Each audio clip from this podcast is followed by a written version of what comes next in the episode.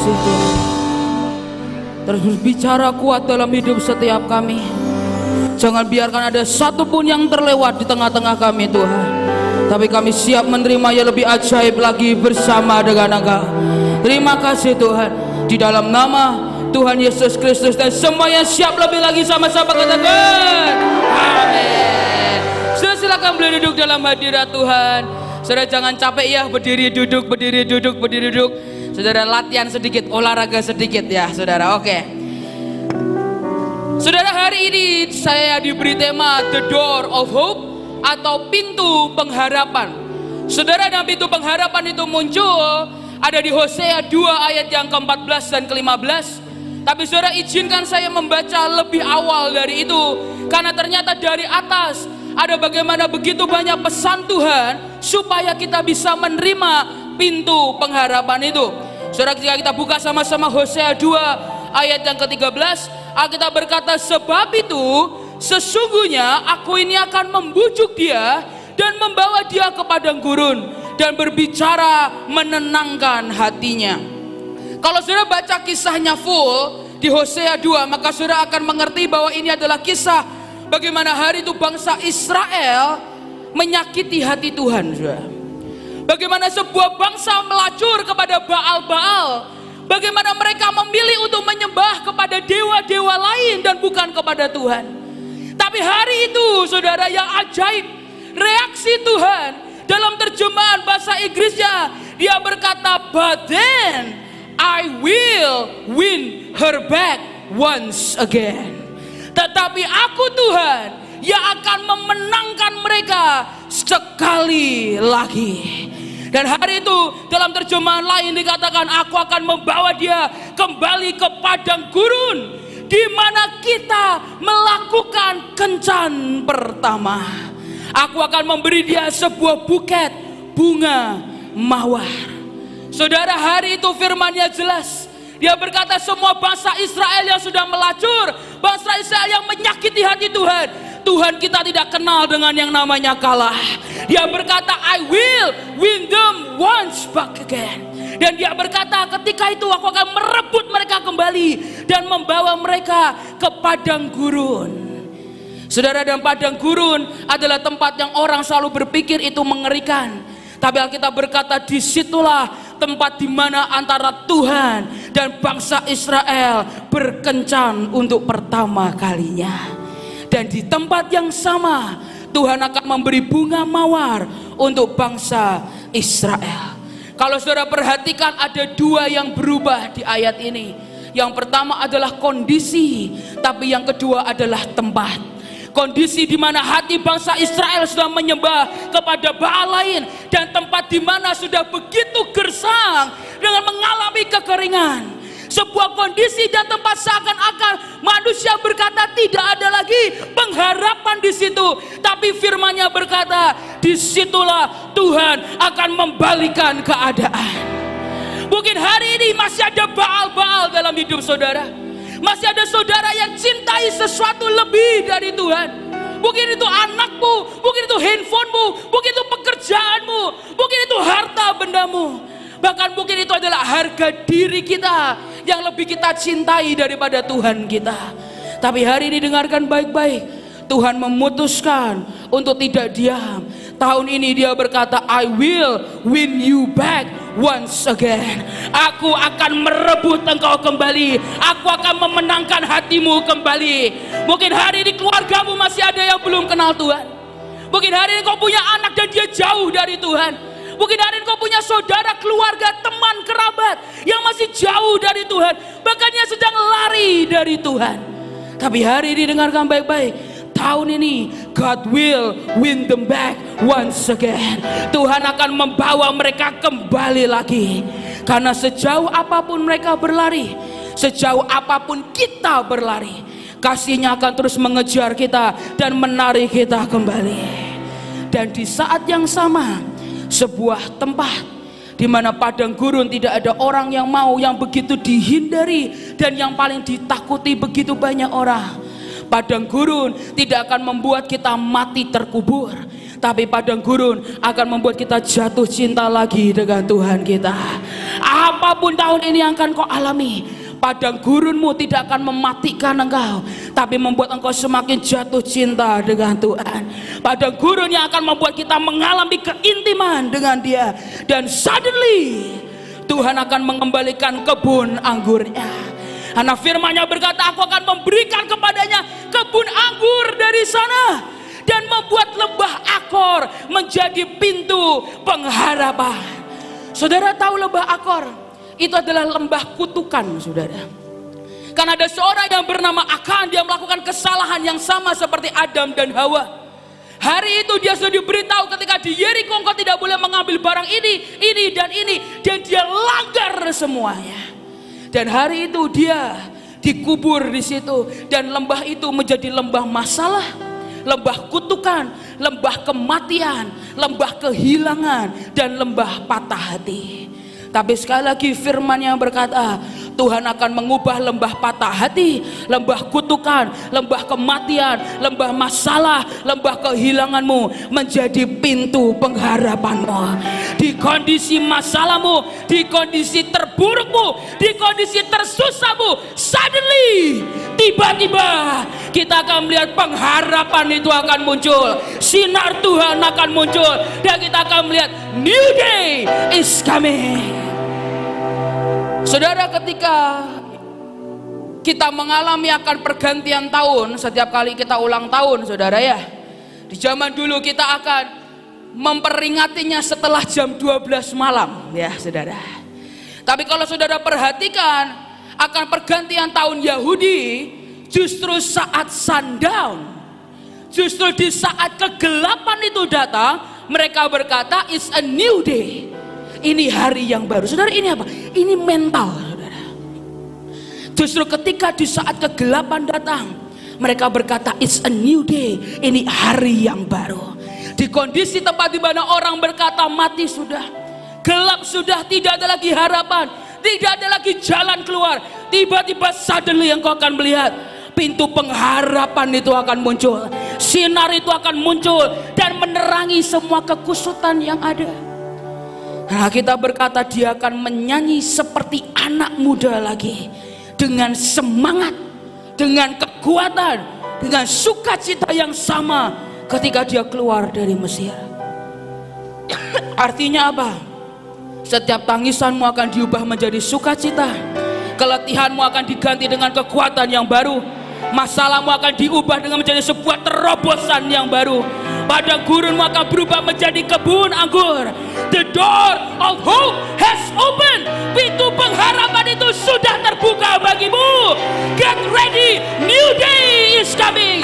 Hari yang baru akan datang di hadapan saudara dan saya. Maka itulah jangan terburu-buru marah dan kecewa dengan dia. Ketika dia memasukkan engkau di padang gurun itu artinya bukan dia jahat tapi artinya new day is coming. Pintu pengharapan itu akan segera terbuka dan restorasi akan terjadi dalam hidup setiap kita. Saudara, tapi sekali lagi firmannya jelas. Engkau harus meninggalkan akan baal-baalmu, saudara. Terus saya akan cerita satu cerita, saya akan baca firman lagi dan sebentar kita akan berdoa bersama-sama. Saudara ini cerita bukan cerita yang saya nggak tahu benar atau tidaknya, tapi nilai dari cerita ini menurut saya benar adanya, saudara. Saudara suatu hari ada sebuah desa, saudara. Dan di desa itu ada satu desa lain yang lagi yang cukup jauh. Dan untuk pergi ke sana, orang itu harus melewati jalan yang mengerikan, saudara. Dia harus melewati jalan yang seberangnya kanan kirinya adalah jurang. Jalannya licin, apalagi kalau kena hujan licin, saudara. Tapi hari itu ada satu orang, mari kita sebut dia sebagai Om Kristen, saudara ya. Om Kristen ini berkata, aku tetap mau pergi ke sebelah sana. Dan semua orang berkata, Om, jangan Om. Nanti ini sudah mulai rintik-rintik, matahari sudah mulai gelap. Nanti kalau Om ke sana, kalau masuk jurang gimana? Tapi Om Kristen ini seperti kebanyakan kita keras kepala, saudara. Dia berkata, enggak, aku akan tetap jalan ke sana. Aku percaya Tuhan Yesus tidak pernah berubah selama-lamanya. Dia akan menyertai aku. Aku jalan. Dan ketika dia jalan, saudara, benarlah tiba-tiba matahari turun lebih cepat dari biasanya. Hujan semakin keras, saudara. Dan ketika itu dia mau sampai ke jalanan itu, dia mulai jalan dan di jalan itulah tiba-tiba dia tergelincir. Dia tergelintir, dia jatuh ke jurang. Dan dalam kegelapan itu dia coba merangkai semua apa pun yang dia bisa. Dan dia rangkai ke satu ranting, saudara. Dan dia bertahan di situ. Dan ketika itu dia teriak, tolong, tolong. Dan tidak ada satupun orang yang dengar. Karena tidak ada orang di situ. Tapi hari itu tiba-tiba dia berteriak, Tuhan, tolong aku anakmu ini. Dan surga gempar, saudara. Surga gempar dan semua malaikat datang kepada bapak-bapak. Anakmu ada yang butuh bantuan. Dan bapak bertanya siapa? Itu Tuhan Om Kristen. Sudah dikasih tahu jangan berangkat tetap berangkat nekat Tuhan. Sekarang dia di mana? Gelantungan di jurang dan bapak dengan baik berkata oke lah anakku sudah teriak minta tolong mari kita bantu dia dan dia berkata, kirim malaikat. Malaikatnya pergi cari malaikat, saudara. Tapi malaikat ini mungkin Gabriel datang lagi kepada bapak-bapak. Maaf, ini lagi high season, bapak. Jadi gimana? Malaikatnya lagi habis. Lagi melayani anak-anak kita di dunia ini. High season, bapak. Permintaannya lagi tinggi-tinggi, berat-berat lagi. Ada yang minta lawatan, ada yang minta ini, ada yang minta ini berat Bapak. Semua lagi sibuk high season. Sudah mendekati Desember soalnya Bapak. Dan hari itu Bapak berkata, ya udah terus gimana? Tapi saya punya solusi. Tinggal satu Bapak yang gak ngapa-ngapain. Datanglah malaikat kurus kering. Sayapnya lebih besar dari badannya. Terbang kadang kintir angin balik lagi saudara. Dan dia datang siap bapak. Dan berkata oke lah ada ya cuman kamu ya. Iya bapak. Ya udah tolong anakku om Kristen itu. Dia berkata siap bapak. Saya harus apa? Dan bapak berkata tugasmu cuma satu. Kasih tahu dia ada pesan dari bapaknya di surga dan dia berkata, siap komandan. Dia terbang pelan-pelan, saudara. Biar tidak kintir angin. Dia terbang pelan-pelan. Sekali lagi mohon maaf tidak menyinggung buat yang kurus-kurus. Saudara juga diberkati Tuhan. Saudara, tapi sekali lagi karena sayapnya terlalu besar, saudara. Rada kintir angin. Balik lagi, saudara. Dan ketika itu Om Kristen sudah dengan keringat dia teriak, Bapak tolong aku dong. Dan tiba-tiba turunlah malaikat yang kurus ini. Dan pertama dia berkata, Shalom. Dan Om Kristen berkata, Shalom, Shalom, ayo cepat ini, tolong aku. Dia bentar-bentar Om, aku harus pelan-pelan turunnya, kalau tidak kintir angin. Dia turun dan berkata, Om, ada pesan buat Om. Butuh pesan, saya butuh ditolong. Kamu pasti bisa tolong saya. Gimana caranya om? Gendong saya. Ya elah om, badan kayak saya om. Harus gendong om. Gak bisa om, sayap ini udah keberatan buat saya. Dan setelah itu saya dia berkata, lalu apa pesannya? Pesan Bapak di surga yang mencintai om. Cuman berkata, lepaskan tanganmu nah. Dan hari itu Om Kristen berkata, oh gini ya Bapak, aku sudah datang paling pagi. Acara jam 4, saya jam 4 pagi saya sudah datang ke Gedung Gracia. Yang lain belum datang, belum dibuka pun saya tunggu di luar. Persembahan perpuluhan, saya bawa satu truk buat Bapakku di surga. Tapi begini jawaban Tuhan. Dia berkata, iya kamu pasti bohong. Saya om, sakit hati saudara malaikatnya tapi puji Tuhan karena dia malaikat ciptaan Tuhan. Cepat sembuhnya saudara. Dia berkata beneran loh om. Saya kan sudah pelayanan mati-matian. Saya udah lakuin semuanya. Kok masih kayak begini? Pesannya benar-benar om. Katanya cuma lepaskan saja tanganmu. Dan hari itu om Kristen marah saudara. Dia berkata, sudah kamu pergi saja. Aku tidak mau lagi dengar kamu, kamu dibohong ini pasti. Udah kalau Tuhan tidak mau tolong aku, pulang kamu ke surga. Sekali lagi malaikatnya mau sakit hati, nggak jadi dan dia berkata, Shalom. Dia terbang pelan-pelan naik ke atas. Dan hari itu malam itu Om Kristen marah-marah ngomel-ngomel dan dia berkata, oke, okay, kalau Tuhan tidak mau tolong aku, aku akan bertahan di ranting ini. Kalau Tuhan tidak mau tolong aku akan bertahan di sini. Aku akan keluar dengan caraku sendiri. Saudara hari itu dia bertahan semalaman. Ada ular mulai lewat. Scorpio mulai datang, kadal mau masuk, hidung keluar lagi, gak jadi. Dia bertahan. Dia berkata ranting ini peganganku, aku tidak akan lepaskan ranting ini. Dan pagi new day mulai datang. Matahari mulai bersinar dan dia mulai lihat ke atas dan dia oke okay, aku akan ambil ranting itu. Aku injak pohon ini aku injak situ dan aku akan naik ke atas tanpa pertolongan Bapak di surga. Dan hari itu dia berkata oke okay, sebelum aku naik aku mau lihat dulu ke bawah.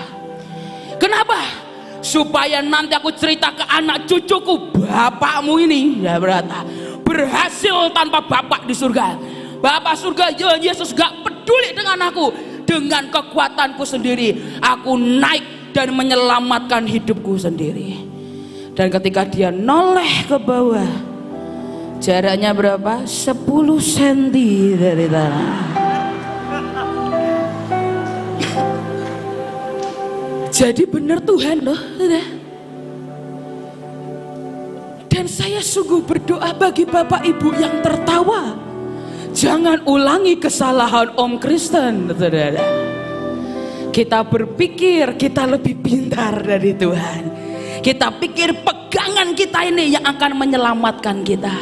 Tapi firman Tuhan jelas berkata, lepaskan setiap baal-baal dalam hidupku. Lepaskan semua pegangan yang kau pikir bisa membuat engkau naik dan tidak pernah turun. Tapi hari ini saya berdoa, mari berpegang pada pengharapan yang tidak pernah mengecewakan. Mari berpegang pada Yesus Kristus Tuhan, maka hidupmu akan diberkati dengan luar biasa. Pada gurunmu akan berubah menjadi kebun anggur. Di dalam kegelapan tiba-tiba ada pintu yang terbuka.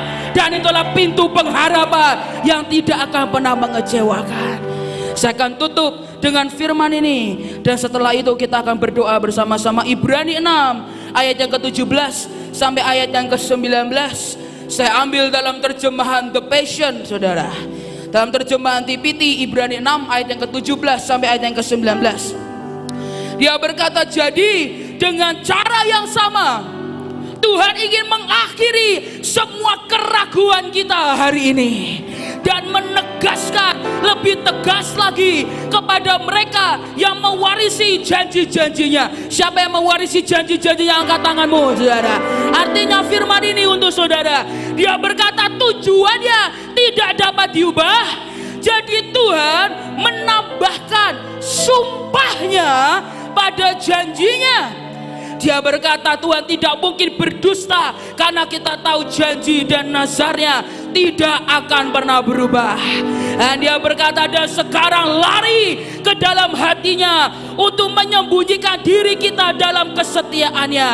Dan kita berkata di sinilah kita menemukan kekuatan dan penghiburannya karena dia memampukan kita untuk meraih apa yang telah ditetapkan sebelumnya apa itu? Sebuah pengharapan yang tidak tergoyahkan. Nah kita berkata saudara, kita mempunyai pengharapan yang pasti ini seperti sebuah jangkar yang kuat dan tidak terpatahkan yang mengikat jiwa kita kepada Allah sendiri. Jangkar pengharapan kita terikat pada mercy seat atau tutup pendamaian atau tutup tabut Tuhan di mana ada dua kerup yang saling berhadapan di alam surga in heavenly realm yang melampaui ambang batas suci. Hari ini kematian Yesus sudah membuka tabir itu. dan di mana kita bisa berjumpa dengan Tuhan. Pintu pengharapan itu sudah terbuka dan ketika tabir itu sudah terbuka, engkau lihat pengharapanmu terikat dengan hadirat Tuhan. Jiwamu terikat dengan Allah itu sendiri. Eh, maka saudara, kita bahkan berkata fasten. Saudara tahu mau pakai roller coaster, saudara mau jungkir balik kayak apa pun pengharapanmu tidak akan pernah menjadi pengharapan yang kosong. Pengharapanmu tidak akan pernah mengecewakan karena pengharapanmu ada di dalam Tuhan. Dan hari ini saya sungguh berdoa. Saya ingin mendoakan orang-orang yang kau tahu hidupmu ada sedang dalam padang gurun. Saya ingin mendoakan orang-orang yang engkau tahu engkau butuh pintu pengharapan itu terbuka dalam hidupmu. Saya ingin mendoakan orang-orang yang kau tahu keluargamu sedang menyembah Baal yang lain. Hari ini dia mau berkata suddenly ketika ada a touch from heaven kita akan lihat pintu pengharapan dan restorasi itu terjadi dalam hidup setiap kita mari hari ini kalau engkau orangnya bangkit berdiri di tempatmu masing-masing nah, kita mau berkata suddenly Lord